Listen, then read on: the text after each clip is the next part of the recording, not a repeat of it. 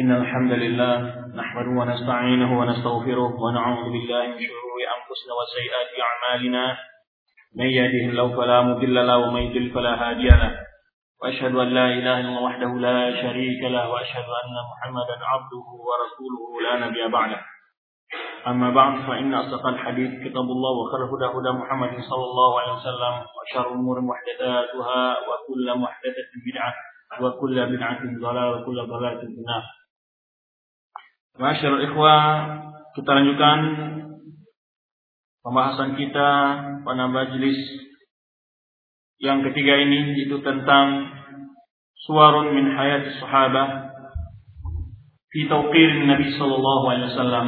Setelah dalam dua majelis yang lalu kita bicarakan tentang dalil-dalil dari Al-Qur'an, kemudian dari Sunnah, kemudian pada kesempatan ini kita akan melihat sekilas tentang bagaimana cuplikan dari kehidupan atau gambaran kehidupan sahabat radhiyallahu anhum di tauqir Nabi sallallahu alaihi wasallam dalam menghormati, memuliakan dan mengagungkan Nabi kita Muhammad sallallahu alaihi wasallam. Waqad qama sahabatu haqqal qiyam bi ta'zimin Nabi sallallahu alaihi wasallam wa tawqirihi fi hayatihi. Sungguh para sahabat radhiyallahu anhum telah melaksanakan penghormatan yang sebenarnya kepada Nabi Shallallahu Alaihi Wasallam dan memuliakannya di waktu hidup beliau. Wanalu syarafal liqa'in Nabi Shallallahu Alaihi Wasallam. Ya, yang mana para sahabat telah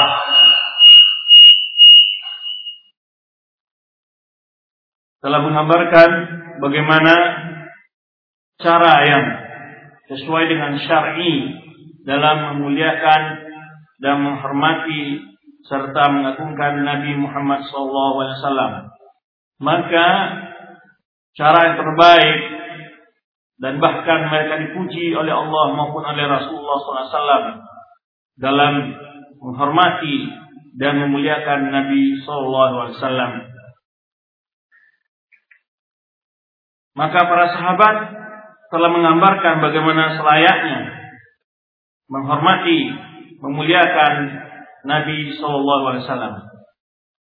Di samping mereka telah mendapat sebuah keutamaan yang tidak akan bisa diraih oleh siapa pun dan hanya yang bisa memperoleh keutamaan Tuhan mereka yaitu mereka dapat berjumpa langsung dengan Nabi Shallallahu Alaihi Wasallam maka fakana lahum an-nasibul awfa min tawqirihi wa ta'zimihi maka mereka mendapatkan bagian yang amat sempurna dalam memuliakan dan menghormati Nabi sallallahu alaihi wasallam mimma sabaqu bihi ghairahum yang dengan itu mereka memiliki keutamaan yang tidak mungkin diraih oleh siapa pun selain mereka. Yang keutamaan yaitu suhbah, berjuang berjuang bersama Nabi dan berkorban, merasakan ini kesulitan-kesulitan perjalanan dakwah bersama Rasulullah SAW sehingga keutamaan ini tidak akan bisa ditandingi oleh ibadah apa pun. Yaitu sebutkan oleh para ulama kita as-suhbatu la ta'diluhu syai' la ya'diluha syai' ini bertemu Nabi dan beriman dengan Nabi berjuang bersama Nabi di jalan Allah dalam membela agama ini itu tidak akan ada satupun ibadah yang bisa menandinginya tentang keutamaannya. Kemudian disebutkan, diriwayatkan, ditanya Imam Ahmad radhiyallahu anhu rahimahullah tentang menggambarkan keadilan Umar bin Abdul Aziz. Mana yang lebih afdal Umar bin Abdul Aziz dari Muawiyah radhiyallahu anhu? Jawab Imam Ahmad ketika beliau ditanya, sungguh debu yang masuk ke dalam hidung Muawiyah saat berjuang bersama Rasulullah SAW itu lebih afdol daripada Umar bin Abdul Aziz. Keutamaan sahabat berjuang dan berkorban bersama Rasulullah SAW menghadapi berbagai tantangan cobaan serta ujian yang mereka lalui bersama Rasulullah SAW itu tidak akan bisa ibadah mana pun yang menjadi tentang keutamaan mereka. Walau lam yakun ini oh walam wala yudrikahu wala yudrikahu man ba'dahu tidak akan pernah orang setelah mereka dapat menyayi mereka tentang keutamaan yang satu ini, yaitu tentang keutamaan bertemu Nabi dan beriman dengan Nabi Wasallam, berjuang dan berkorban bersama Rasulullah Wasallam. Summa syarakul ummah bita'dhihi ba'da mautihi. Kemudian yang lebih dia dapat pula mengambil keutamaan lain adalah ketika mereka juga ikut menghormati dan memuliakan mengagungkan Nabi SAW setelah wafat beliau. Jadi mereka mendapat dua keutamaan yang keutamaan yang dimiliki oleh umat ini umpamanya mendapat mengagungkan Nabi SAW setelah wafat dan ini pun diikut dapat didapati oleh sahabat keutamaan seperti ini. Karena bagaimana sahabat ya setelah beliau eh, Nabi kita Muhammad SAW wafat, bagaimana pula mereka dalam menghormati, menghargai, memuliakan dan mengagungkan Nabi SAW. Jadi keutamaan yang diperoleh oleh orang setelah mereka, mereka pun mendapatkannya dan melakukannya dengan sebaik-baiknya. Bahkan mereka adalah orang terbaik juga dalam memuliakan, menghormati, memulia, uh, dalam menghargai serta mengagungkan Nabi ya setelah beliau wafat uh, sallallahu alaihi wasallam. Karena sya'nuhum fi tawqihi awdah wa adhar min istadalla alaihi. Sungguh urusan mereka dalam menghormati, memuliakan Nabi Wasallam itu adalah sangat jelas dan sangat gamblang sekali yang tidak perlu di, dibuktikan lagi. Karena begitu banyaknya bukti. Dan begitu banyaknya uh, ayat maupun hadis maupun uh, sejarah yang menggambarkan bagaimana kesetiaan mereka dalam membela Rasulullah SAW. Wa nadhkuru huna ba'd namazij ra'i'ati wa mawaqif jamila lis-sahabati fi ta'dhibin Nabi SAW. Di sini kita akan sebutkan sebagian dari contoh-contoh yang sangat indah serta bentuk-bentuk gambaran yang sangat cantik yang dimiliki oleh sahabat dalam menghormati, memuliakan, mengagungkan Nabi kita Muhammad SAW. Yang pertama adalah wa ajmalu man wasafa sya'nahu bidzalika Urwah bin Mas'ud radhiyallahu rajul anhu. Salah satu gambaran yang sangat indah tentang hal sahabat di dalam memuliakan Rasulullah SAW mengagungkan serta menghargai Rasulullah SAW adalah apa yang disebutkan oleh Urwah bin Mas'ud at-Tafafi radhiyallahu anhu hina fawadan Nabi SAW fi sulh Hudaybiyah ketika Nabi SAW mengadakan perundingan dalam perjanjian Hudaybiyah. Falamma maraja ila Quraisy, ia kembali kepada Quraisy, ini maksudnya apa? Yang mana Urwa bin Mas'ud tapi ketika itu adalah perwakilan Quraisy yang berunding dengan Nabi SAW saat itu beliau belum masuk Islam. Jadi beliau perwakilan Quraisy berunding dengan Nabi SAW. Ketika beliau ber, berbincang ya tentang perjanjian Hudaybiyah bersama Nabi SAW. Tak kala ia kembali kepada orang Quraisy membawa tentang apa yang akan di apa hasil perundingan atau apa yang dibicarakan dengan Rasulullah SAW, qala ayu qaumi ay ayya qaumi wallahi laqad wa ufittu ala al-muluki qaisar wa kisra wa najashi wallahi in ra'aytu In ra'aitu malikan qattun yu'azzimu asbahu ma yu'azzimu ashabu Muhammadin Muhammada. Jadi dia ini adalah ibaratnya menteri luar negeri orang-orang Quraisy itu.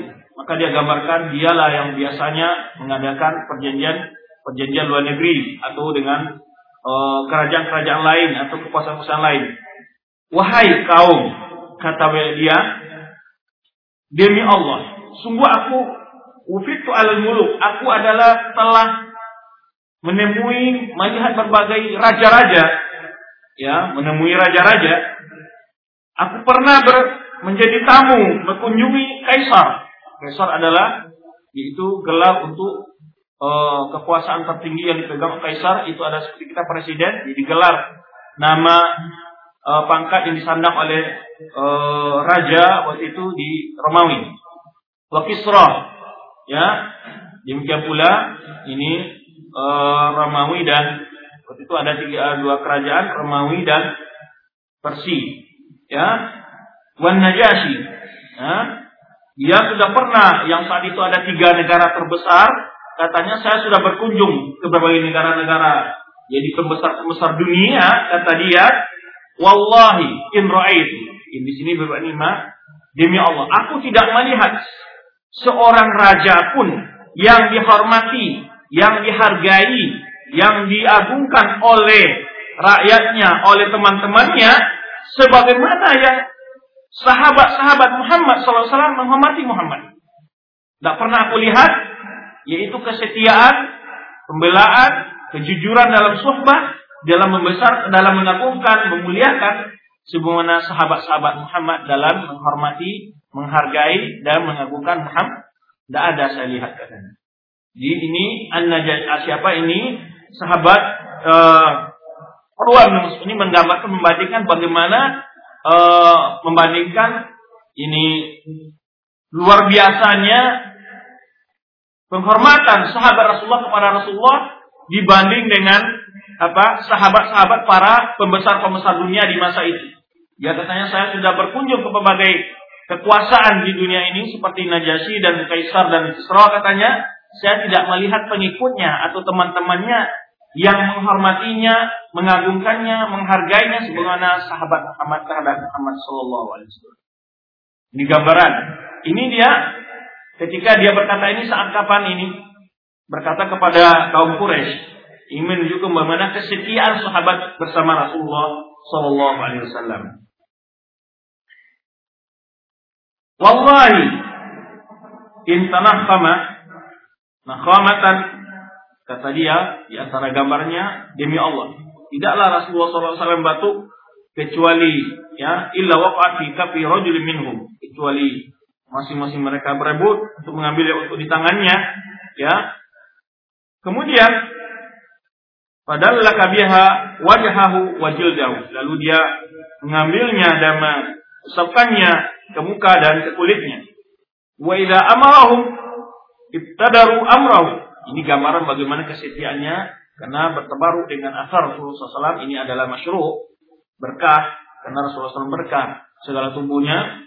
Kemudian uh, disebutkan oleh dia gambaran bagaimana jika mereka diperintah oleh ini oleh Muhammad katanya Nabi kita Muhammad SAW ibtadau amrahu mereka bersegera melaksanakan perintahnya wa idza tawaddaa kadu yaqtatiluna ala wudu'i apabila dia berwudu hampir-hampir mereka saling dorong mendorong ya berebut mengambil sisa dari air wudhu Rasulullah SAW atau bertabaruk dengan air wudhu Rasulullah SAW.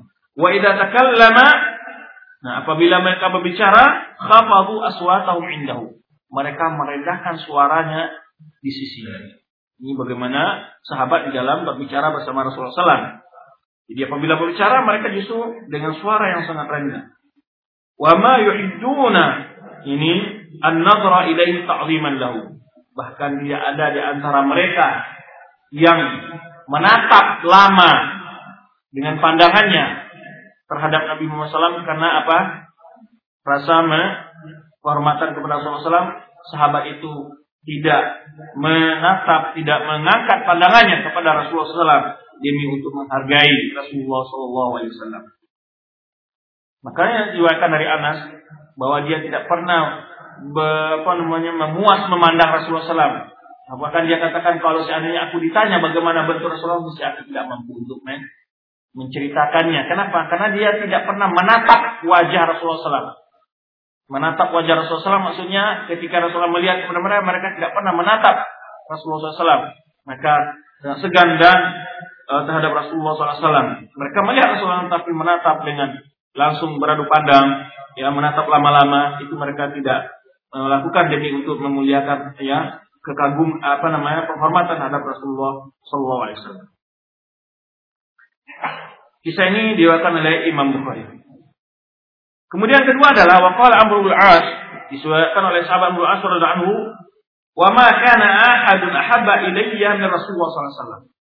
Kata siapa ini bin As, tiada seorang pun yang paling aku cintai melebihi dari Rasulullah sallallahu alaihi wasallam wala ajillu fi aini wala ini ajalla fi aini minhu dan tiada di dalam pandangan orang yang lebih agung dari dia. Wa ma kuntu afiqu an amla ini bukan kisah Anas ya, Amr bin Ma'as. Wa ma kuntu afiqu an amla aini minhu ijlalan lahu. Ini kita maksud tadi dan aku tidak pernah mampu untuk memuaskan mataku melihatnya yang menatap lama-lama ijlalan lahu sebagai untuk penghormatan memuliakan kepadanya. Ya kan kalau manusia-manusia biasa sekarang pemain ketika dia berhadapan dari presiden kadang-kadang dia tidak berani menatap ya dan seterusnya. Kalau untuk lihat seperti komandan-komandan pasukan pemainnya ini para bawahannya tidak berani apa namanya menantang dengan secara langsung kepada komandan. Demikian pula sahabat Rasulullah SAW justru mereka seperti yang gambarkan memas ini aku tidak mampu untuk memuaskan pandanganku kepada Rasulullah SAW ijlalallahu itu untuk akademi karena sebagai gambaran tentang apa penghormatan kepada Rasulullah SAW. Walau su'il tu asifahu kalau seandainya aku ditanya bagaimana bentuk rupa ya sifat-sifat Rasulullah SAW ma tu aku tidak mampu untuk menceritakannya di ani lam akun amla aini minhu karena aku tidak pernah memuaskan mataku untuk melihatnya. Yang ketiga, wa min syiddati hirsi sahabat ala ikramihi wa tajannubi idaihi di antara gambaran lain betapa sungguh-sungguhnya sahabat di dalam memuliakan Rasulullah SAW dan menjauhi berbagai hal yang dapat menyakiti Rasulullah SAW.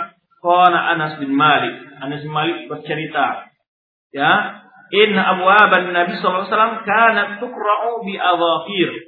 Jadi kalau sahabat bertamu ke rumah Rasulullah SAW kata Anas bahwa pintu-pintu rumah Nabi SAW dahulunya diketuk dengan ujung kuku saja. Tidak dengan kalau kita kan kalau pakai tinju ya atau pakai kaki mungkin. Sahabat Rasulullah SAW ketika bertamu ke rumah Rasulullah SAW itu diketuk dengan dengan kuku mereka ya tidak keras. Itu takut untuk menyakiti Rasulullah Shallallahu Alaihi Wasallam. Demikian Anas menggambarkan bagaimana sahabat dalam Muhammad Rasul ketika bertamu mereka tidak memukul pintu Rasulullah SAW secara keras-keras, ya, suara yang memekakkan, tapi dengan kuku mereka sekedar mendengarkan Rasulullah SAW bahwa ada tamu. Yang keempat, takala turun firman Allah Subhanahu Wa Taala, Ya ayyuhalladzina amanu la tarfa'u aswatakum fawqa sawtin nabiyyi wa la tajharu lahu bil qawli kajahri ba'dikum li ba'din antahbatu amalukum wa antum la tash'urun. Taqatalun taqalatun firman Allah Subhanahu wa taala wahai orang-orang beriman, janganlah kalian mengangkat suara kalian di atas suara nabi dan janganlah kalian tajharulahu ini bersuara keras, bersuara lantang kepadanya. Ya, tajaru biqaul, mengeraskan suara terhadapnya. Semana kalian memanggilnya antara kalian bagi yang lain, bagi kalian ke teman-teman kalian yang lain. Antah batu amalukum. Ini konsekuensinya apa? Karena itu akan menyebabkan akan gugurnya amalan kalian. Wa antum la. Kalian tidak menyadarinya. Ini Allah SWT mengajarkan tentang adab kepada para sahabat ketika berbicara dengan Nabi SAW. Karena bila orang bersuara dengan suara keras dan menyakiti Rasulullah SAW, ya itu dapat membatalkan keamal amalnya. Kalau Ibnu Zubair, "Fama kana Umar yasma'u Rasulullah SAW pada hadir ayat hatta yastaqimahu." Jadi Umar kan biasa suaranya jauh hari. Biasa suaranya memang suara aslinya adalah memang suaranya besar, gitu ya. Ya. Kata Ibnu Zubair, "Famakara Umar yasma yusma." Ini Ya yasma Rasul ya yasmi Rasulullah SAW pada akhir ayat hatta yasma. Sehingga ketika turun Umar itu bicara selalu ditanya oleh Rasulullah sehingga dia tidak mengangkat suaranya maka Rasulullah SAW senantiasa apabila bicara dengan Rasulullah SAW ini setelah ayat ini hatta yastaqimahu. Rasulullah SAW meminta apa yang kamu katakan ya Umar. Jadi saking suaranya kecilnya atau rendahnya suaranya saat berbicara dengan Rasulullah Wasallam. وقال البيهقي رحمه الله إن هذه الآية نزل في ثابت bin Qais bin Shamash al-Ansari. Ini kisah yang masyhur sekali. Sahabat ini juga suaranya jauh hari. Karena dari sononya, tabiatnya memang suaranya itu apa? Suara besar, ya. Di sekecil-kecilnya bas juga keluarnya, begitu. Jadi kata ini sabab nuzul dari ayat ini, eh, salah satu kisah yang diterangkan tentang sebab turunnya ayat ini, yaitu ini kisah ini juga diwakilkan bukan Muslim, tapi yang kita nukil di sini adalah dari Imam Bayhaqi. Ayat ini turun Sabit bin Qais Syammas al-Ansari kan idza jalasa alaihi wasallam sautahu idza takallama. Yang mana dia ketika berduduk bersama Nabi SAW, dia agak tinggi suaranya ketika berbicara. Falamma nazal hadil ayat, intalaqa mahmuman hazinan. kala turun ayat ini, dia dirundung oleh rasa apa nama cemas dan sedih. Ya, Pamaka fi baiti ayyaman sehingga dia tidak keluar rumah beberapa hari setelah turun ayat ini. Karena dia tahu suaranya sangat apa uh, suaranya agak keras ketika berbicara bicara. Nah, qafata ayatuna qad habitu amalu. Dia takut jangannya amalannya telah apa hi batal semua atau hilang semua atau gugur semua. Wa kana sabnu ubada jaru ini wa kana sabnu jarahu. Sabnu ubada adalah tetangga dari siapa? Saya apa? Rabit bin Qais bin Syammas ini tangganya. Nah, kemudian pantol pantolaka hatta atan Nabi sallallahu alaihi wasallam akhbarahu. Jadi ketika itu ketika saat Mu'badah melihat tetangganya Sabit bin Qais bin Syammas al-Ansari ini tidak pernah kelihatan keluar rumah, dia beritahu Nabi sallallahu alaihi wasallam dengan hal itu. Faqala lahu Nabi wasallam idhab fa akhbir Sabit naqais annaka lam tu'na bihadzal ayat. Maka Rasulullah jadi dia ceritakan ini uh, saat Ubadah ini pergi menemui Rasulullah Rasulullah Habib bin Qais bin Syammas Ansari sejak turun ayat ini tidak pernah keluar rumah karena dia menganggap ayat ini adalah tentang dia. Ini maksud ayat ini. Karena dia tidak keluar rumah dan dia telah mengatakan amalnya telah batal atau hilang, hapus semua. Lalu Rasulullah SAW tolong beritahu dia pesankan dipesankan Rasulullah SAW kepada Sa'ad bin Ubadah beritahu irhab pergilah. Dan beritahu Sabit itu bin Qais itu bahwa bukanlah engkau yang dimaksud oleh ayat ini. Walasta min ahli nar. Dan engkau bukan termasuk dari ahli neraka. Bal anta min ahli jannah tetapi engkau adalah dari ahli surga Pak ini fakhrus ilaina maka keluarlah ya kepada kami. Jadi berpergi kepada Rasulullah SAW bersama para sahabat semuanya berkumpul seperti biasa. Fatu ahidna. Lalu kita kembali belajar bersama dan ya tetap pergi seperti biasa menghadiri masjid masjid Rasulullah SAW. Hasab bidalika. Kemudian sabit ini gembira dengan dapat kabar dari Rasulullah SAW bahwa itu bukanlah yang maksud engkau dan engkau bukanlah penghuni neraka dan engkau adalah penghuni surga. Lalu ketika telah dapat berita itu dari Sa'ad bin Ubadah, Sabit bin Qais ini ya telah meninggal itu ya dia mendatangi Rasulullah SAW. Falamma absaru Nabi SAW Tak kala Rasulullah SAW melihat Sabit ini mendatangi Nabi SAW, marhaban bi rajulin. Selamat datang. Ya wahai seorang. Yaz'um annahu min ahli nar. Dia menyangka dirinya. Ya penghuni neraka. Bal ghairuha min ahli nar. Tetapi selain engkau lah yang akan menjadi penghuni neraka. Wa anta min ahli jannah. Engkau adalah penghuni surga. Fakana ba'da adzalika maka adalah setelah itu ya idza jalasa ila Nabi sallallahu alaihi wasallam maka bila dia duduk bersama Nabi wasallam yukhfidu sautahu hatta ma yakadu ayusma. Jadi dia senantiasa merendahkan suaranya, ya. Kadang-kadang hampir tidak didengar oleh orang yang dekat dengannya. Ya. Fanazalat lalu setelah itu turunlah ayat yang berikutnya. Innal ladina yabutuna aswatum inda inda Rasulillah ulaika ladina tahana Allah qulubahum littaqwa lahum maghfiratun wa ajrun 'azim. Ini ayat sebelumnya, ini ayat setelahnya, itu innalladzina. Sungguhnya orang-orang yang merendahkan suara mereka di sisi Rasulullah SAW. Itulah mereka orang-orang yang yang imtahan Allah qulubahum, yang mana hati mereka telah dibersihkan Allah diuji oleh Allah SWT. Ini ditakwa untuk bukti ketakwaannya, lahum maghfiratun bagi mereka adalah keampunan wa ajrun azim dan pahala yang sangat besar dan agung. Di dalam kisah ini dalam hadis ini menunjukkan Bagaimana ketika itu di antara sahabat yang mendapat berita sebagai ahli surga ya adalah Thabit bin Qais bin Syammas al-Ansari ya diketahui oleh para sahabat. Ya bahwa dia adalah sebagai penghuni surga yang telah dijamin masuk surga oleh Rasulullah SAW ya dia pun walaupun dia dari tabiatnya memang asal dari penciptaannya suaranya agak keras dia tetap berusaha untuk merendahkan suaranya. Sebagaimana juga Umar bin Khattab radhiyallahu Kisah berikutnya adalah wajah an Usam Syarif wal Bara' bin Azib wa Abu Sa'id al-Khudri. Ini ada beberapa sahabat mengatakan tentang kisah ini di wasfi sahabat tentang menyebutkan bagaimana gambaran sahabat di dekat Rasulullah sallallahu alaihi wasallam ala ru'usihim at-tayr.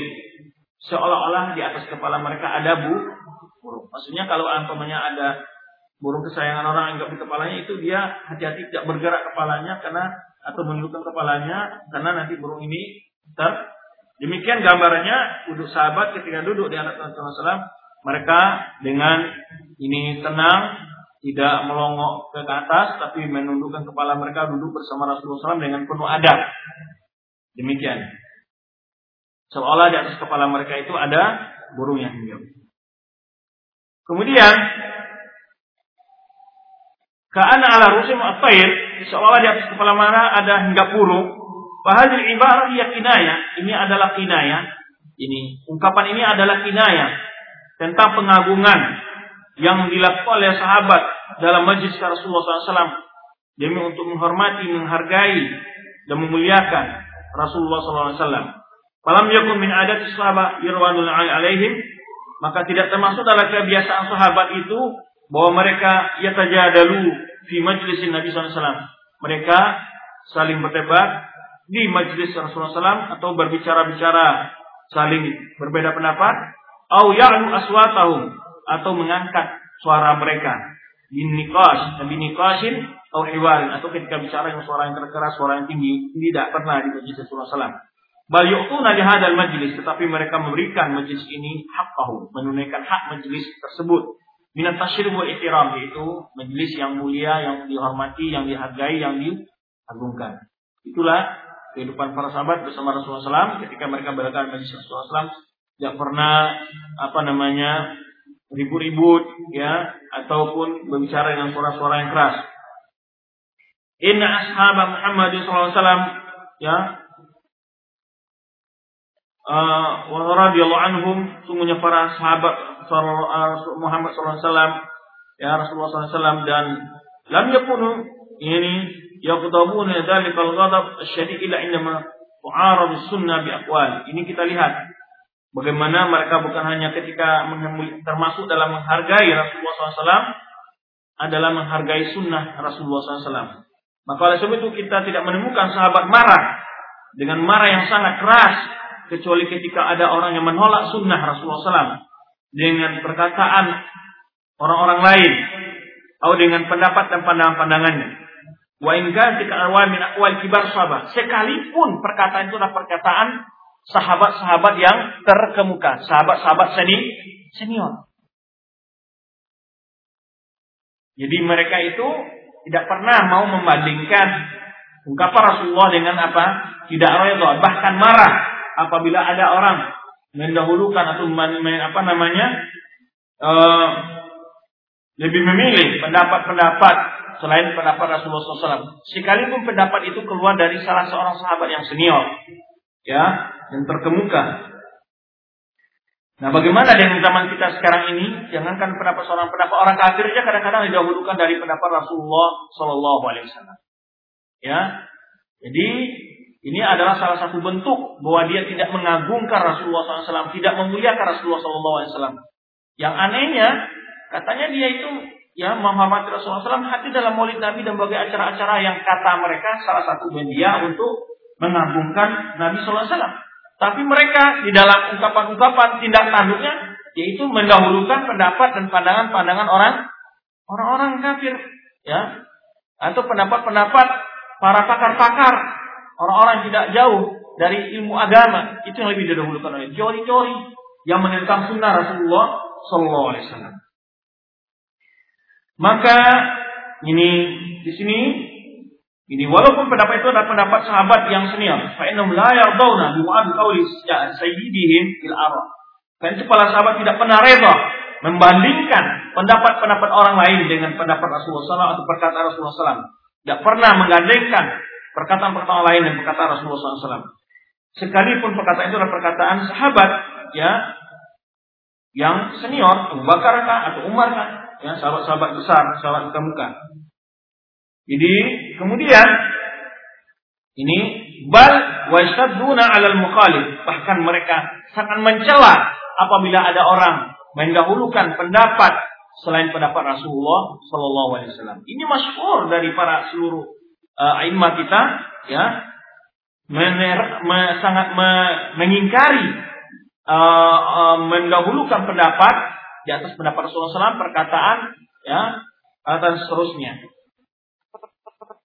Hal itu tidak lain adalah kecuali demi uh, salah satu bentuk bagaimana mereka mengagungkan Rasulullah SAW dan pengagungan mereka terhadap ungkapan Rasulullah SAW dan sunnahnya. Ya, ini salah satu bentuk bagaimana mereka sangat menghormati uh, Rasulullah SAW. Maka itu masyhur dalam riwayat Ibnu Abbas ketika ada orang bertanya, ketika Abu Bakar dan Umar mengatakan bahwa yang afdal itulah haji ifrad.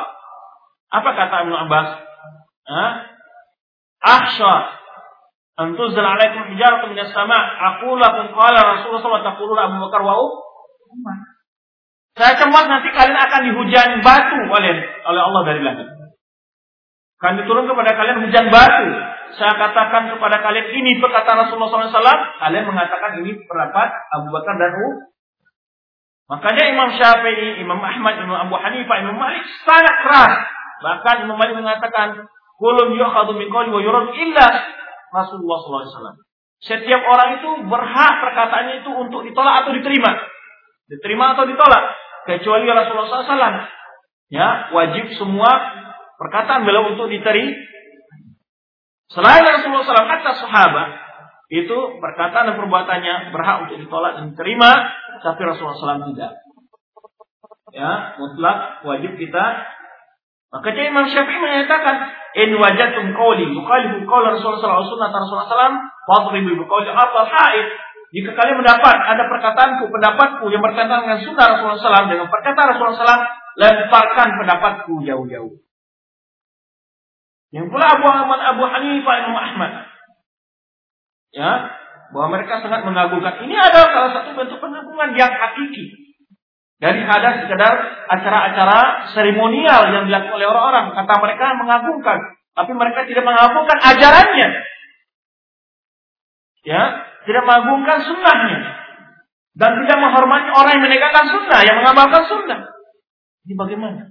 Apakah demikian cara mengagungkan Rasulullah SAW? Nah kalau sebegitu di sini perlu kita luruskan pemahaman apa hakikat dari mengagungkan Rasulullah Shallallahu Alaihi Wasallam. Dan masih banyak ungkapan-ungkapan para imam di antara yang masyhur Ibrahim Nakhai itu lain mengatakan in wajabtum qawli yukhalifu qaul Rasulullah fabulla alaihi. Jika kalian mendapati ungkapanku, perkataanku, pandangku, pandanganku, pendapatku men menyalahi pendapat Rasulullah SAW, kencingi pendapatku. Nah, katanya kencingi pendapatku. Fabulla alaihi. Demikian. Ini Hakikat menghormati Rasulullah SAW adalah menghormati ajaran dan sunnah beliau. Serta orang-orang berjuang untuk menegakkan sunnah beliau. Kemudian, gambaran yang ketujuh adalah maka Abdul Mukaffar rajulan ashabi ini yakdib. Jadi ada Abdullah bin Wafar dia seseorang sahabat Rasulullah SAW itu suka apa? Melempar-lempar batu, main batu kecil. Faqala lahu la takhaf. Jangan main-main lempar-lempar batu begitu. Karena Rasulullah kana yaqra. Karena Rasulullah SAW tidak senang hal seperti itu. Faqala yunha an yukhadar. Atau disebutkan Rasulullah SAW melarang dari tindakan seperti itu. Fa inna yustadu bihi sayd. Karena hal itu memain lempar-lempar batu tanpa ada gunanya.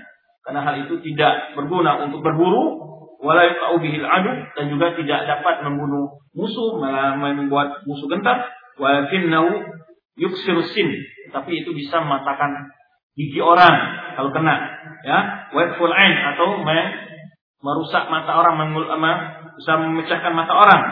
Sumarau badan kayak Kemudian masih juga dia suka main-main tapelan ya, main apa-apa gitu ya. Nah, faqala lahu ukhbiruka kata Abdullah bin Affan ini, saya beritahu engkau bahwa Rasulullah SAW tidak suka hal itu atau melarang dari hal itu, dari kasab itu, summa araka taklid, kemudian engkau masih tetap melakukannya, la ukallimuka kada wa kada. Aku tidak akan bicara lagi. Aku akan tidak bicara kepada engkau selama ini, selama ini. Jadi ditentukan berapa hari. Ini salah satu bentuk bagaimana mengagungkan sunnah Rasulullah ketika ada orang sudah disampaikan sunnah, masih dia tetap tidak mengagungkan sunnah. Masih juga dia melakukan bagaimana tindakan sahabat. Ini membenci orang-orang yang sudah diberitahu sunnah, kemudian dia tetap mengatakan ini masih mendahulukan hawa nafsunya, keinginan, kebiasaannya. Ini salah satu bentuk tidak mendahulukan sunnah Rasulullah SAW. Nah banyak orang dalam melakukan ini berbagai acara yang mereka asumsikan sebagai bentuk penghormatan terhadap Nabi SAW. Ya, mereka asumsikan ya dengan alas itu ada dan ada. Mereka masih mempertahankan.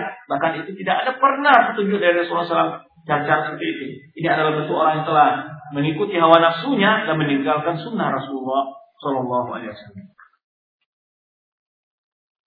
Dalam riwayat Muslim, la ukallimka abadan. Maka Abdullah bin Mas'ud mengatakan, aku tidak akan bicara lagi kau lagi kepada kau selama-lamanya.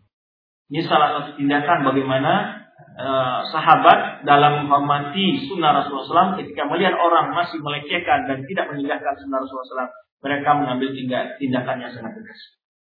Pada Imran bin Husain kana fi rahdin wa fihi Bashir bin Ka'ab. Haddatha Imran yaumaidin. Faqala Rasulullah SAW al-hayat khairu kullu. Ini salah seorang sahabat Imran bin Husain ini ketika dia berada dalam sekelompok teman-temannya di dalam terdapat Bashir bin Ka'ab. Lalu Imran ini menyampaikan sebuah hadis ketika itu yaitu sabda Rasulullah SAW sifat malu itu adalah baik seluruhnya. Ya, al hayat khairu kullu. Qala atau qala al hayat kullu khair atau Rasulullah SAW mengatakan semua sifat malu itu adalah baik. Faqala Bashir bin Ka'ab. Ada Bashir bin Ka'ab berkata, inna lanajida fi ba'd al-kutub aw aw al-hikmah anna minhu sakinah wa qar lillah wa minhu. Kata dia, kata Bashir bin Ka'ab ini, kita dapati dalam sebagian kitab, dalam sebagian buku atau sebagian kata-kata hikmah katanya ya, bahwa di, malu itu ada yang baik, ketenangan, wa qarillah, ketundukan pada Allah, juga ada yang lemah, jadi orang malu adalah orang yang lemah, orang yang pengecut, ini katanya. Jadi dia di sini hendak membuktikan, ingin menyebutkan ada malu itu yang tidak baik. Sedangkan Rasulullah SAW menyebutkan semua sifat malu, sifat malu itu semuanya baik. Sekarang dia ingin melihat, membandingkan katanya dalam sebagian buku yang dibaca, sebagian kenyataan, ya sifat malu itu apa katanya? Hikmah-hikmah disebutkan malu itu terbagi dua. Ada yang baik, ada yang bu, tidak ada pun, ada yang Faqadiba Imran hatta ihmarrata aina. Maka Imran ini marah sehingga matanya menjadi merah. Ketika ingin membantah sabda Rasulullah SAW dengan ungkapan-ungkapan yang ditemuinya di buku atau kata petiti atau kata-kata apa sih lah uh, yang yang dikatakan oleh orang-orang. Kemudian waqala la ala arani hadithu ke Rasulullah SAW. Tidakkah engkau lihat bahwa aku ini menyampaikan dari Rasulullah SAW? Waktu aridu bihi, lalu engkau menyanggahnya, membantahnya. ada Imran hadis. Lalu Imran mengulang hadis tadi. Al haya'u khairun kull. Khairun khairun kulli. Kemudian ada Bashir. Lalu juga dia sebut Bashir tadi bin Ka'ab tadi jadi mengulangi lagi ungkapannya. Waqadi Imran Waqala Abu Siwa al-Adawi famazilna naqul fihi Innahu minna ya Aban Jaid, innahu la ba'sa bihi. Lalu marahlah Imran tadi, Imran bin Hussein. Ya. Lalu berkata seorang sahabat lain menyebutkan dia termasuk kelompok kita, termasuk golongan kita, artinya dia tidak murtad ya. Wa innahu minna ya Aban Jaid, innahu la ba'sa bihi. Itu dia tidak ini curigai dia itu sebagai seorang munafik. Lama qala Abdullah bin Umar, ini Abdullah bin Umar, sami itu Rasulullah sallallahu alaihi wasallam yaqul, La tamnun nisa'akum al-masajida idza istaqdanatum ilaiha. Jadi Rasulullah SAW didengar oleh Umar uh, Umar Abdullah bin Umar bersabda, "Janganlah kalian melarang istri-istri kalian untuk ke masjid apabila dia minta izin ke dalam masjid kepada kalian." Dalam riwayat lain kan la tanau ima Allah al masajidillah, jangan kalian melarang budak-budak perempuan Allah untuk pergi ke masjid Allah. Nah, ketika itu anaknya menjawab, "Waqala Bilal bin Abdullah." Bilal anak dari siapa? Anak dari bin Umar. Lanam na'anna. Sungguh kami akan melarangnya. Sedangkan Rasulullah SAW tidak boleh melarang istri yang minta izin mau ke masjid. Walaupun afdolnya memang sabda Rasul lain adalah wanita itu sholat di rumah. Tapi melarang nggak boleh. Afdolnya memang di rumah dia. Tapi tidak bukan berarti wanita itu diharamkan ke masjid. Nah, ini ikhwan harus paham. Beda antara afdol dengan diharamkan, ya kan? Afdolnya wanita itu sholat di rumah. Tapi kalau dia mereka ingin sholat berjamaah ke masjid, itu pun tidak boleh dilarang. Nah, mungkin bila ini melihat ya kondisi dan seterusnya, dia katakan sesungguh kami akan melarangnya.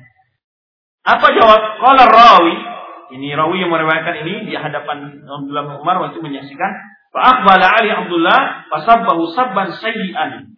Lalu Abdullah apa? Memarahinya dan mencacinya anaknya sendiri itu dengan celaan yang sangat keras, tegas, marah. Abdullah Umar kepada anaknya. Ma sami'tuhu sabbahu mitlah. Ini aku tidak pernah mendengar ada orang marah seperti itu. Ya, kepada anaknya. Ya. Wa qala ukhbiruka Rasulullah SAW wa taqulu wallahi lanamna'anna. Kata Abdullah Umar, aku beritahu engkau tentang perkataan Rasulullah SAW. Lalu engkau jawab, sungguh engkau akan melarang? Wafi riwayat dalam riwayat lain, Fadara wa sadrihi wa qala uhaddithu Rasulullah wa taqulula. Dia pukul dada pada pukul dadaannya Bilal tadi dan dia katakan aku cerita kepada kalian engkau engkau sampai kepada engkau hadis Rasulullah SAW lalu engkau katakan tidak. Inilah bentuk-bentuk bagaimana ketegasan sahabat dan orang-orang yang mencoba menyanggah membantah sunnah Rasulullah SAW dengan hasil pikiran, pendapat, dan pandangannya. Di zaman sekarang betapa banyaknya orang-orang zindik, orang-orang munafik yang mengingkari ajaran Islam, yang mencela, yang menghina, yang mengolok-olok, ya sunnah-sunnah Rasulullah Sallallahu Alaihi Wasallam. Ya. Fahada qaidun min khairin mimma warada fi ta'lim sahaba alaihim ridwanullah alaihi Nabi SAW ini adalah hanya secuil dari lautan bagaimana penghormatan sahabat terhadap Nabi sallallahu alaihi wasallam wa tashhadu sungguhnya dalam setiap kullu dalam setiap keadaan sahabat berbagai kondisi yang dilalui oleh sahabat adalah menunjukkan bagaimana mereka mengagungkan dan memuliakan serta menghormati Rasulullah sallallahu alaihi wasallam. Wa kana sallallahu alaihi wasallam indahu mu'azzazan muwaqqaran mahaban wa lam yakunu yu'amilunahu bi istirsal mubasar. Maka mereka sangat menjadilah Rasulullah SAW mereka itu orang yang sangat dihargai, yang sangat dimuliakan, yang sangat dihormati. Mereka tidak pernah berbicara bergaul dengan cara-cara yang kebodohan, ya. Kama yu'amil akifa ba'dhum ba'd. Mana pergaulan orang-orang samanya. Wakanu ini yakhfiduna aswatahum indahu. Mereka merendahkan suara-suara mereka di sisi Rasulullah SAW. Hatta mayakadu ahadun yasma'ul ladhi yalihi. Sehingga orang-orang yang dekatnya pun kadang-kadang tidak mendengarnya secara jelas. Wa idza jalasu baina yadayhi a'tu hadzal majlis syarifah haqqahu. Apabila mereka hidup eh, apabila mereka duduk di hadapan Rasulullah SAW, mereka memberikan hak majlis yang mulia itu dengan menghormati dan memuliakan. Ya, hatta kala ka'anna ma'ala ru'usihim tayra. Bagaikan di atas kepala mereka ada burung. Wa dzalika limahum alaihi min wal adab. Ini menunjukkan bagaimana ketenangan dan adab-adab syar'i yang mereka eh, lakukan di hadapan majlis Rasulullah sallallahu alaihi wasallam. Wa kanu la iduna ilaihi bahkan di antara mereka tidak pernah memandang dengan menjolok kepada Nabi sallallahu alaihi wasallam. Ya karena atau melotot kepada Nabi sallallahu alaihi wasallam ya ta'ziman wa mahabatan lahu sebagai bentuk penghormatan dan mm, menyegani Rasulullah SAW. Apabila ia diperintah oleh Rasulullah SAW mereka bersegera untuk melakukannya maka tidak ada wala fala yaqulu syai'an illa sadaru anhu wa ata'u wa fihi wa badaru ila imtithalihi wa tamrihi wa amal bihi tidaklah Rasulullah SAW mengatakan sesuatu kecuali para sahabat berlomba-lomba dan segera untuk melakukan perintah Rasulullah SAW dan melakukannya, mengerjakannya. Sungguh kedudukan Nabi SAW hati para sahabat Allah wa azza sangat berharga dan sangat mulia ya dari segala sesuatu segala sesuatu jadi kedudukan kemuliaan kehormatan Nabi SAW hati para sahabat adalah sangat tinggi dan sangat berharga dari segala hal ha? sampai sekalipun dari diri mereka dari diri mereka sendiri dan anak keluarga mereka ha? atau hal yang lainnya Fakat kanu yaftaluna bi arwahim wa yabduruna fi sabili nusratihi kullama yamlikuna min ghalin wa. Sungguhnya para sahabat telah membela, menebus Rasulullah SAW dengan harta dan jiwa mereka. Ya, mereka mengorbankan untuk membela dan menolong Rasulullah SAW segala apa yang mereka miliki. Segala apa yang mungkin apa yang mereka miliki mereka rela korbankan demi untuk membantu dan membela Rasulullah SAW. Kama annahum yu'aduna man yuharibu Allah wa rasulah. Sebenarnya mereka memusuhi orang-orang yang memerangi Allah dan Rasulnya. Mahmakan silatuhum wasiqatun bihi. Wasiqatun bihi. Sekalipun apa pun hubungan hari kerabat tali kerabat sekali itu orang tuanya. Kita lihat waktu perang Uhud dan seterusnya. Ya sekalipun. Jadi hubungan dari keluarga pun melebihi eh, tidak berarti di sisi para sahabat bila itu adalah hal yang akan merusak yaitu atau mengurangi rasa hormat mereka kepada Nabi Shallallahu Alaihi Wasallam. Jadi tiada maka mereka membenci dan orang-orang yang memerangi rasulnya sekalipun itu adalah keluarga mereka sendiri ya apakah itu apa mereka bapak mereka atau anak mereka atau saudara mereka ya dan bukti-bukti tentang hal ini sangat banyak sekali dalam sirah atau dalam sejarah kehidupan Rasulullah SAW bersama para sahabatnya. Wa minal ma'lum al-mutaqarrar anna sahabat anhu satu hal yang sudah pasti bahwa sahabat anhum bahwa mereka adalah orang yang paling mengerti tentang cara dalam menghormati Nabi Shallallahu Alaihi Wasallam. Ini dan orang mengerti sekali tentang Rasulullah SAW. Karena itu adalah mereka orang-orang yang telah memberikan kedudukan yang layak kepada Rasulullah SAW dalam kehidupan mereka. Ya, dan mereka para sahabat orang yang lebih tahu daripada orang-orang selain mereka atau orang setelah mereka tentang bagaimana bentuk-bentuk penghormatan dan memuliakan Rasulullah SAW. Fakat kana ta'zimu wa tawqiru Nabi sallallahu asyadda wa akbar min ghairihi. Sungguh rasa penghormatan dan menghargai Rasulullah SAW dalam hati sahabat, dalam kehidupan sahabat adalah sangat besar yang tidak mungkin bisa ditandingi oleh orang-orang selain mereka. Maka oleh sebab itulah, maka satu hal yang tidak pernah dilakukan oleh sahabat untuk uh, ada apa namanya Eh, cara-cara uh, yang tidak pernah dilakukan oleh sahabat untuk memuliakan Rasulullah SAW seperti maulid dan seterusnya, seterusnya, itu berarti hal itu tidak termasuk cara yang disyari. Karena tidak ada cara yang paling agung dalam agama ini untuk memuliakan Rasulullah SAW kecuali para sahabat telah mempraktekkan yang mengamalkannya dan telah mengamalkan hal itu terhadap Rasulullah Shallallahu Alaihi Wasallam. Itu pembahasan dari tamhid yang kita bahas itu dalil-dalil tentang wajibnya menghormati, mengagungkan, memuliakan Rasul Shallallahu Alaihi Wasallam dari Al-Quran, dari Sunnah, serta gambaran dari kehidupan para sahabat Rasulullah Shallallahu Alaihi Wasallam. Berikut kita berpindah kepada bab yang pertama tentang inti dari pembahasan kita takwim apa yang indal wala yaitu pemahaman-pemahaman, meluruskan pemahaman-pemahaman yang keliru, yang menyimpang, yang dilakukan oleh orang-orang yang ekstrim dalam mencintai Rasulullah SAW. Orang-orang yang hulu, orang-orang yang berlebih-lebihan, yang melampaui batasan agama di dalam menghormati, memuliakan, dan menghargai Rasulullah SAW atau mengagungkan beliau. Maka ini adalah janib al-mukhalafat, itu bagian bentuk-bentuk pelanggaran yang dilakukan oleh orang-orang yang melampaui batas, orang-orang yang hulu di dalam memuliakan, mengagungkan Rasulullah SAW sehingga keluar dari uh, ketentuan-ketentuan agama. Pertama, sebelum kita masuk gambaran-gambaran menentukan penyimpangan yang dilakukan itu, pertama dalil yang umum menyebutkan tentang haramnya hulu ya berlebih-lebihan atau ekstrim atau mengkultuskan Rasulullah SAW.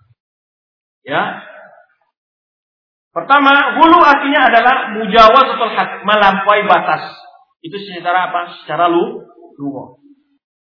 Ini ghalal ma apabila air itu telah panas sekali dan hampir keluar-keluar dia ngangkat penutup periuk itu biasanya. Ini. Walau zaman itu melampaui kewajaran. Itu secara umum. Segala hal yang melampaui kewajaran itu disebut apa? hulu atau bahasa kita yang berlebih-lebihan atau dalam bahasa kerennya ekstrim ya. Nah, wasyar'an ada pun menurut definisi syar'i, definisian secara syar'i hulu itu apa? Yaitu mujawatu hudud ma Allah sawan kana dzalika tajawuz fi janib al-i'tiqad aw al-qaul aw al-amal. Yaitu melampaui ketentuan apa yang telah disyariatkan Allah. Hah?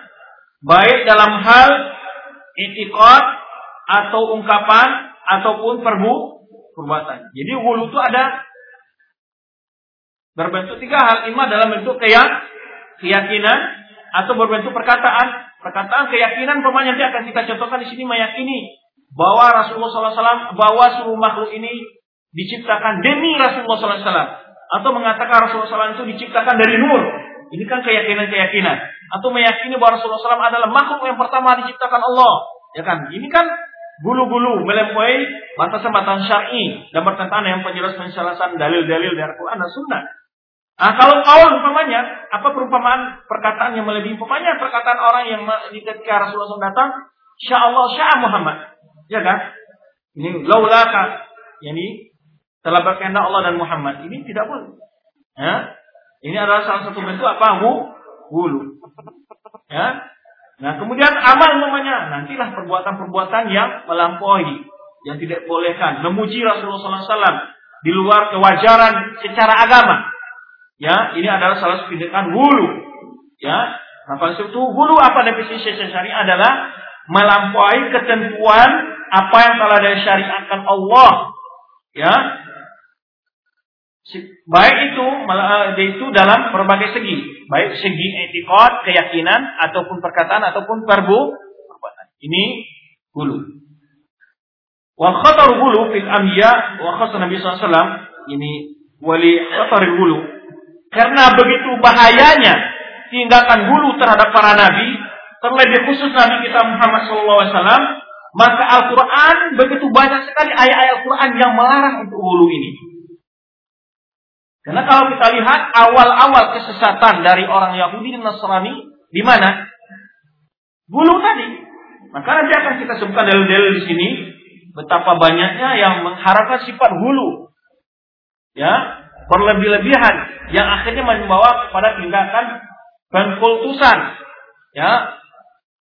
Nah, maka sebab itu Al-Qur'an penuh dengan penjelasan tentang bahwa Nabi Muhammad itu adalah manusia biasa. Wa ubudiyati menjelaskan bahwa dia itu adalah hamba Allah. Bikhaliqihi bagi penciptanya yaitu Allah Subhanahu wa taala. Faqala ta'ala. Mana dalil menunjukkan ini kita di sini hanya tidak bicara tentang dalil-dalil uh, apa yang melarang ahli kitab tentang hulu ya, khusus mamanya. Di sini Allah taala kenapa Allah menjelaskan bahwa Nabi Muhammad itu adalah bahkan diperintahkan Allah agar Nabi Muhammad mengatakan bahwa aku ini adalah manusia seperti kalian. Semua firman Allah dalam surat Al-Kahfi, "Qul innama ana basyarun." Ya. Mithlukum. Qul innama ana basyarun mithlukum yuha ilaihi yuha ilayya annama ilahukum ilahu wahid. Qul innama ana basyarun mithlukum yuha ilayya annama ilahukum ilahu wahid. Kata Allah katakan wahai Muhammad, sungguhnya aku ini adalah manusia seperti kalian. Lalu diwahyukan kepadaku, ya, bahwa yang Tuhan kalian itu adalah sah, ini dalam ini agung sekali. Pertama Rasulullah SAW menekankan bahwa dia itu manusia biasa, jangan dikultuskan. Bahwa dia tidak berhak sedepat pun sedikit pun tentang sifat-sifat rubiyah maupun sifat uluhiyah. Katakan, kata Allah, sungguhnya aku ini adalah manusia seperti kalian. Tapi apa bedanya dari manusia biasa? Dia itu diangkat menjadi rasul. Maka setelah itu datang ayat yuha ilayya. Diwahyukan kepadaku. Artinya dia itu diangkat menjadi rasul. Diangkat menjadi rasul atau nah itu bedanya dari manusia biasa. Makanya dalam akidah al Jamaah innahu bahwa Rasulullah abdul la yu'bad wa rasulun la yu'sa.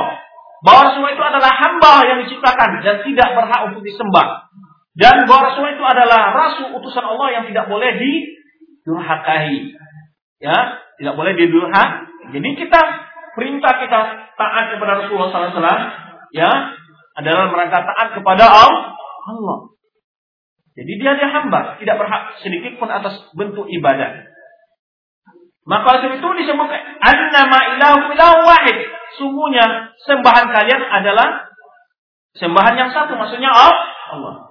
Jadi ayat awal dengan ujung awal ayat dan ujung ayat itu sangat menekankan sekali bahwa aku sedikit pun aku ini manusia dan aku tugasku adalah menyampaikan mengajak kalian untuk mengikhlaskan semua ibadah kalian kepada Allah. Bukan kepada aku tidak butuh, aku tidak meminta kalian menyembahku. Maka Allah perintah kul inna ma'ana basyarum mithlukum. Katakan Muhammad, sungguhnya inna ma'ana. Sungguhnya aku adalah manusia seperti kalian. Bedanya apa? Yuha ilayya. Bedanya aku dengan kalian itu aku diberi tugas oleh Allah menyampaikan risalah. Apa ajaran risalah yang aku ditugaskan adalah mengikhlaskan ibadah kalian kepada Allah. Bukan menjadikan aku sebagai tandingan bagi Allah dalam beribadah. Kemudian Ayat berikutnya, ya. Di antaranya adalah Allah mensifatkan Rasul kita Shallallahu Alaihi Wasallam dalam banyak ayat dengan sifat ubudiyah, hamba, ya, ham, hamba. Yang diciptakan Allah, maka dalam kedudukan ketika Allah menyebutkan peristiwa yang sangat agung dalam kehidupan Rasulullah itu peristiwa Isra dan Mi'raj disebut dengan kata-kata abdun. Dengan kata-kata abdun. Maka Allah sebutkan firman subhanalladzi asra bi 'abdihi. Asra bi 'abdihi. Maha suci Allah telah memperjalankan hambanya lailan minal masjidil haram ila masjidil aqsa. Pada malam hari dari Masjidil Haram ke Masjidil Aqsa. Wa qala ini dari makam tentang menunjukkan sebuah mujizat kemuliaan yang sangat agung dalam kehidupan Rasulullah SAW. Allah pergunakan dengan kata-kata abdul. Di antara faedah disebutkan oleh ulama kita, mufassirin dan sebagian ulama lainnya menyebutkan ini menunjukkan bahwa Rasulullah tidak selingkuh atas sifat-sifat maupun uluhiyah. Maka Allah sebutkan di sini asra bi abdihi. Maka ini kita kata abdun wa rasuluhu. Maka Rasul SAW adalah hamba Allah dan utusannya. Kemudian dalam makam risalah maka risalah ada kedudukan yang sangat mulia. Ini yang membedakan dari manusia biasa yaitu dia menerima apa? Tugas risalah dan nubuah mengemban tugas risalah. Maka ketika Allah menyebutkan dia sebagai seorang rasul ditekankan dengan sifat ubudiyah. Fa'auha ila abdihi ma auha. Maka Allah mewahyukan kepada hambanya apa yang ia wahyukan. Di makam kedudukan, jangan maka Allah kita menggunakan dalam kisah Isra Mi'raj dan kata Abdul tadi, jangan digambarkan nanti ketika melihat mujizat yang begitu agung, lalu dipahami bahwa Rasulullah SAW memiliki sifat-sifat apa? Ruya dan uluhi, maka Allah gunakan kata-kata abd hamba yang diperjalankan, bukan yang berjalan sendiri, tapi Allah yang memperjalankan Bukan atas kemauannya sendiri, tapi Allah subhanahu wa asra bi abdihi. Allah yang memutuskannya. Kemudian dalam makam risalah ya kedudukan yang membuat dia mulia dari atas seluruh makhluk yaitu karena dia sebagai rasul yang terakhir digunakan kata-kata abdun. Jadi walaupun dia adalah hamba yang paling mulia tapi dia tidak mengeluarkan dia sebagai seorang makhluk yang diciptakan sebagai hamba Allah. Ya, tetap hamba Allah tapi hamba Allah yang paling mulia. Dan kemuliaannya itu tidak mengeluarkannya dari kedudukan sebagai seorang manusia. Yang tidak berhak sedikit atas ibadah. Maka auha ila abdihi ma auha. Maka dia mewahyukan kepada hambanya apa yang dia wahyukan. Maksudnya adalah Wa Rasulullah itu hamba yang diberi tugas oleh Allah Subhanahu wa taala. Kemudian Allah Subhanahu wa taala menerangkan bahwa para rasul tidak memiliki sedikit pun sedikit pun dari sifat-sifat uluhiyah dan rububiyah. Mana dalilnya? Allah tegaskan tentang rasul sendiri. Ya, kalau tadi dalam surat Al-Kahfi, kemudian surat Al-Isra, kemudian surat An-Najm, kemudian dalam surat Al-Am Allah sebutkan. Allah sebutkan, "Kul la aqulu lakum indi khazainullah." Kata Rasul, katakan wahai Muhammad, kata Allah, kul. Kul. La aqul lakum indi khazainullah. Ah, katakan Muhammad, ya, aku tidak mengatakan pada kalian bahwa di sisiku ada simpanan-simpan pembara, kekayaan pembendaharaan pembendaharaan kekayaan Allah. Apakah itu rizki, umur, dan nasib, segala macamnya, itu bukan di sisiku. La tidak sedikit pun aku memiliki kunci-kunci rezeki dan seterusnya. Itu adalah sifat apa? Rububi, rububi Allah. Jadi simpanan-simpanan rahasia Allah tidak ada. Tidak ada sedikit pun aku miliki. Kulla aku lakum indi khazainullah. Katakan bahwa tidak sedikit pun di sisiku ada.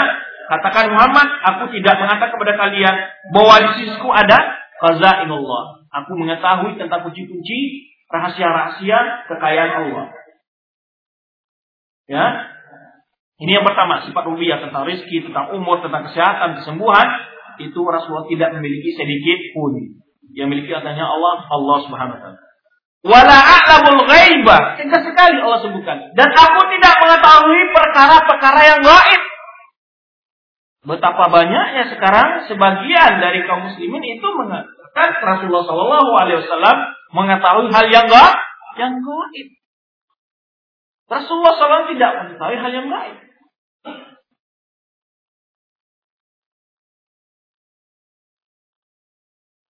Kemudian, wala aku lakum ini malak. Aku aku pun tidak mengatakan pada kalian bahwa aku ini malaikat.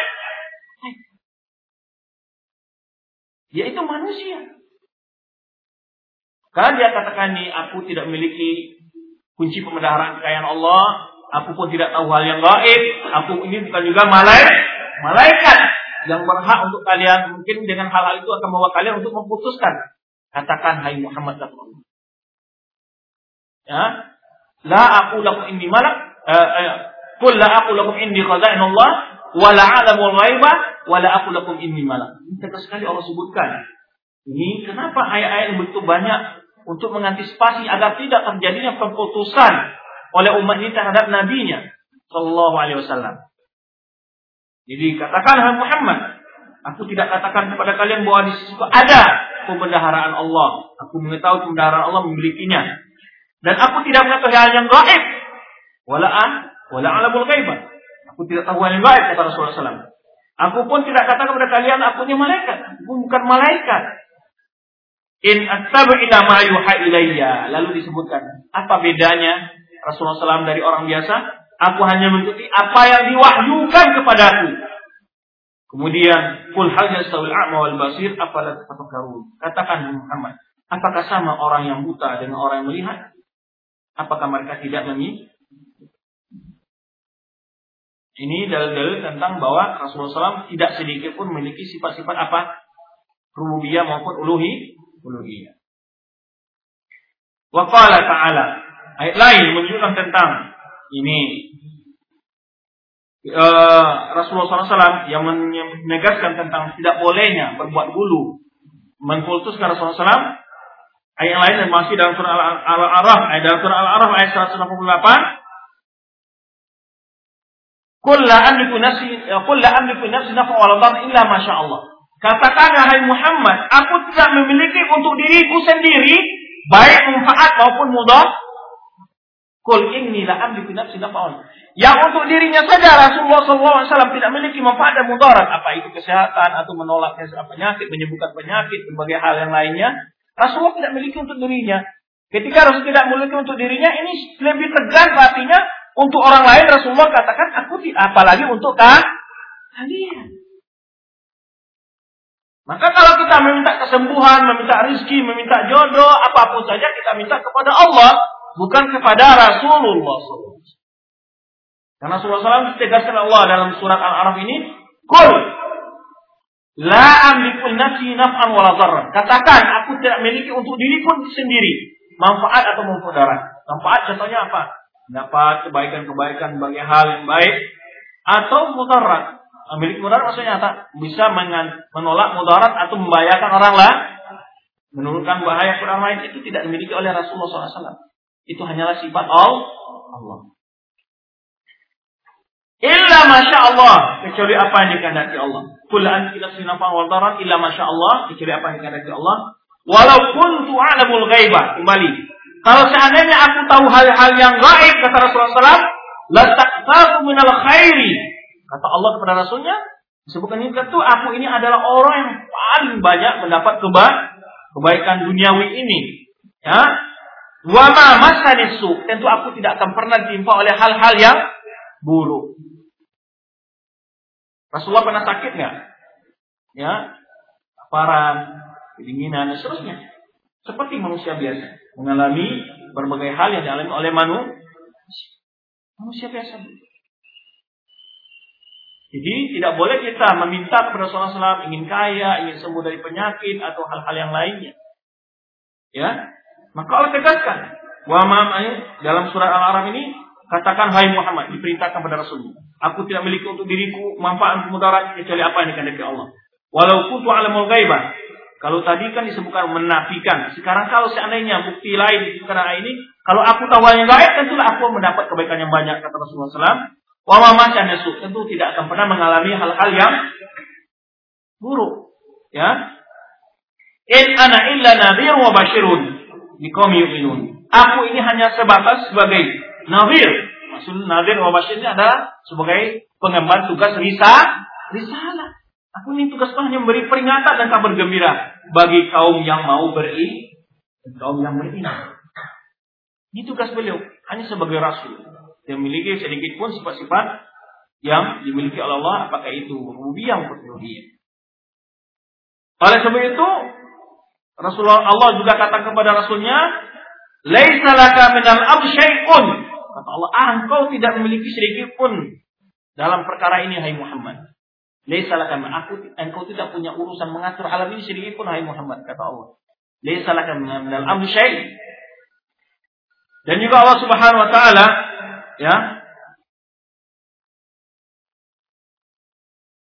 menerangkan kekufuran orang-orang yang mengangkat nabi di atas kedudukan mereka. Ya, mengkultuskan para nabi. Maka Allah katakan, sifat Nabi tidak mengajak orang untuk beribadah kepada mereka. Wala ya'murakum an tattakhudul malaikata wan nabiyina arbaba. Aya'murukum bil kufri ba'da id aya'murukum bil kufri ba'da id aslam. Wala ya'murukum an tattakhudul malaikata wan nabiyina arbaba. Aya'murukum bil kufri ba'da id amantum. Ini uh, ba'da id antum muslimun.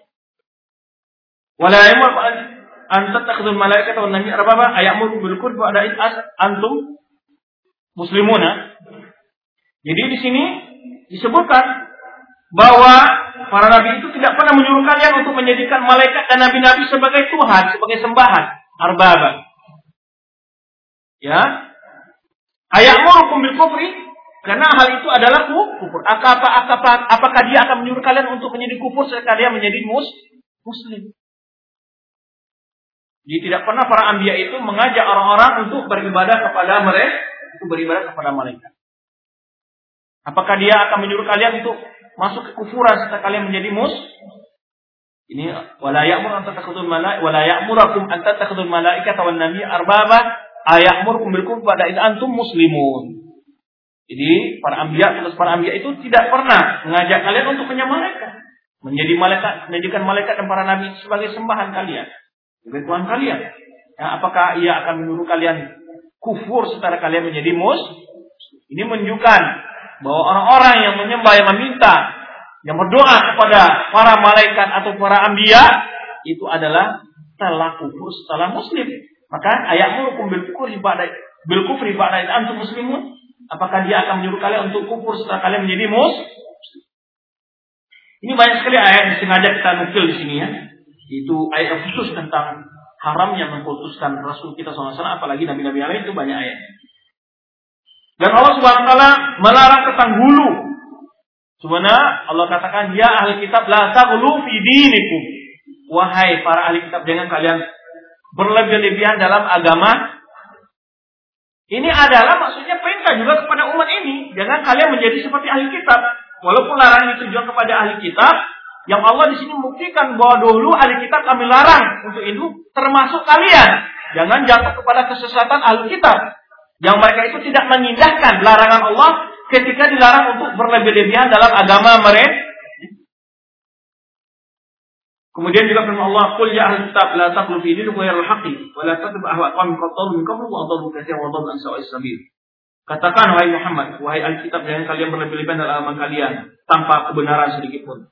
Jangan kalian mengikuti kebiasaan-kebiasaan atau hawa nafsu kaum-kaum yang telah sesat ya sebelumnya. Jadi di sini terdapat larangan kita itu menyerupai umat-umat atau kesesatan-kesesatan umat-umat yang berlalu. Di antaranya adalah apa? Gulu di dalam terhadap para ulama atau para nabi mereka. Wa dan bahkan mereka telah banyak menyesatkan manusia. Itu mereka bukan hanya telah bersifat gulu, sesat lalu menyesatkan. Wadallu an dan mereka telah sesat di jalan yang Di sini Qayyim menyebutkan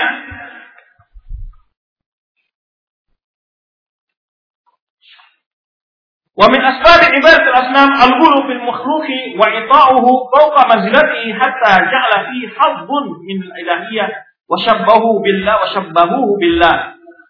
Ibnu Qayyim menyebutkan dalam kitab beliau Ihdasatul Lahfad di antara sebab terjadinya ibadah kepada menyembah berhala, menyembah berhala dan lainnya adalah disebabkan pertama sekali hulu fil makhluk. Berlebih-lebihan dalam mencintai, menghormati mah, makhluk. Dan memberikan makhluk itu di atas kedudukannya dan menjadikannya memiliki bagian dari sifat-sifat uluhiyah dan menyerupakannya dengan Allah Subhanahu wa taala. Wa hadha wa syabi al-waqi' fil umam alladhi abtalahu Allah Subhanahu wa taala ini ini adalah hal-hal yang telah menimpa umat-umat yang telah dihancurkan Allah Subhanahu wa taala. Dan Allah mengutus rasulnya dan inilah ini keadaan seperti inilah yang ingin di dihapus oleh Allah Subhanahu wa taala dengan mengutus para rasul dan menurunkan kita-kita tujinya dan mengingkari perbuatan-perbuatan syirik tersebut terhadap pelakunya. Jadi awal dari terjadi kesyirikan adalah sebenarnya dalam hal Abbas karena baina Adam dan Nuh kurun ala tauhid. Sepuluh kurun antara masa Adam dan Nuh itu mereka semuanya berada di atas tauhid. Kemudian terjadi adalah di masa kaum Nabi yang kaum yang diutus oleh Nuh. Setelah orang-orang soleh mereka meninggal kata Ibnu Abbas, lalu mereka mengenang orang soleh ini. Bagaimana cara kita mengenang mereka? Uh, kita bikinlah foto atau patung mereka. Ini generasi yang pertama. Dengan tujuan apabila kita melihat patung dan gambar mereka, kita teringat ibadah mereka, teringat ilmu mereka. Lalu kita akan bersemangat untuk berilmu, mencari ilmu dan semangat untuk beribadah. Nah ini khutwatu syaitan. Yang pertama. Gunanya apa? Hanya sekedar untuk mengingat saja ketinggian ilmu mereka dan kewaraan mereka, kesolehan mereka saja ketika melihat patung dan gambar mereka. Ini alasan pertama waktu itu. Setelah itu Berlalulah angkatan ini atau generasi ini berlalu, jil ini berlalu meninggal. Kata Ibnu Abbas, lalu datang cucu atau anak cucu dari generasi itu. Mereka melihat patung-patung ini kenapa dibikin oleh orang tua kita? Apa tujuannya?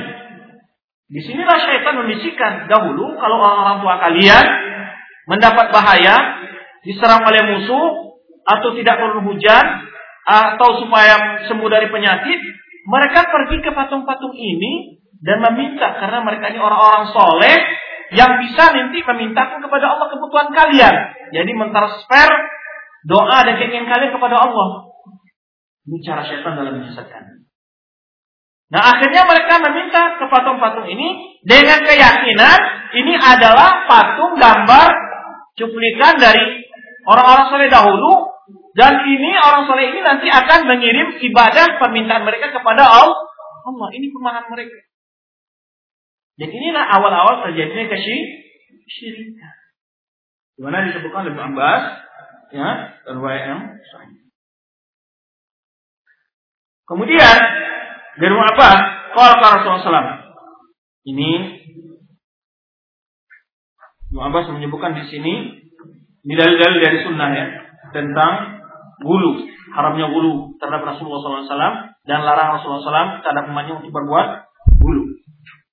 Barangkali kita apa namanya di sini kita tidak mengelompokkan dalil ya dari Quran dan Sunnah, tapi langsung aja ini dalil dari Sunnah dan insya Allah dan juga pada paham berikutnya, masa berikutnya dalil-dalil dari Sunnah ini kita cukupkan sampai di sini dulu. Nanti kita lanjutkan pembahasan tentang dalil dari Sunnah yang melarang untuk berbuat hulu dalam agama ini atau berlebihan dalam batasan apa atau tindak-tindakan yang melampaui batasan-batasan agama.